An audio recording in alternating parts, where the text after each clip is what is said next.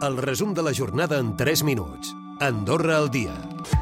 La jornada d'avui l'avortament ha tornat a ser notícia i és que fa prop de dos anys que es va instaurar a l'avortament farmacològic a l'Hospital de la Seu d'Urgell. I en aquest temps ha augmentat el nombre de ciutadanes i residents andorranes que hi han interromput voluntàriament a l'embaràs. El cost que té per elles supera els 300 euros.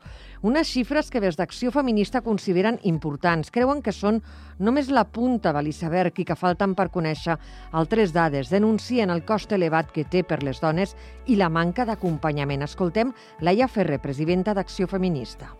La dona el que es troba és que s'ha d'espavilar pel seu compte. Truca a l'Hospital de la Seu. Pot anar a l'Hospital de la Seu, això és senzill, o sigui, eh, clar, està molt bé que hi hagi un hospital ara a prop on, on pugui realitzar, però no oblidem que per molt que hi hagi un hospital a prop, ni tens un acompanyament, ni ningú t'informa de res, i a més a més això t'ho has de costejar tu. La plataforma política massanenca participa, vol ser present en altres parròquies i dona una opció al votant més progressista. Un sector que considera que ha quedat molt dissolt. Ho ha explicat avui Guillem Forner, un dels impulsors, en una entrevista a l'Obert per Vacances de Ràdio Nacional.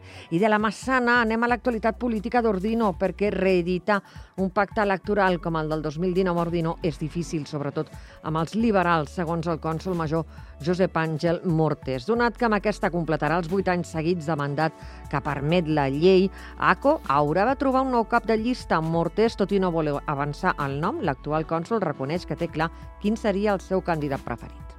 Evidentment, jo, jo faré la proposta a la persona que cregui, igual que altres persones eh, poden fer també altres propostes, no?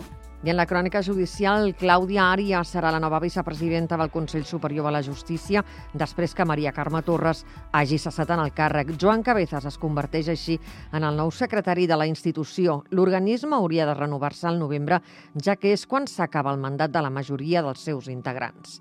I el Comú de Sant Julià Valòria ha recaptat 9.000 euros des que va posar la taxa per accedir amb vehicles motoritzats al Camp de Claró i al Port Negre. Són 25 euros per dia i ha complert l'objectiu d'evitar-hi la massificació. Uns 300 residents tenen el carnet per poder pujar-hi. Escoltem a Josep Majoral, cònsul major de Sant Julià que hi ha molta gent que arriba a la barrera i quan se li demana de fer el pagament de 25 euros no volen i giren cua i tornen a marxar. La taxa permet reduir els visitants i amb la recaptació s'ha aconseguit arreglar el camí cap al Port Negre, que va quedar molt malmès per les pluges de les darreres setmanes. Però com veu la gent la mesura d'haver de pagar?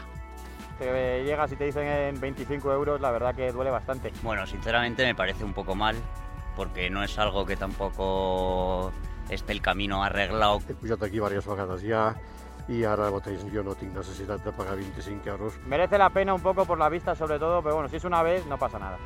Y ya está, lo único, bueno, la pista está muy bien. I valoració positiva de la Creu Roja del punt lila de la Festa Major de Sant Julià de Lòria, on no van assistir cap persona per violència masclista.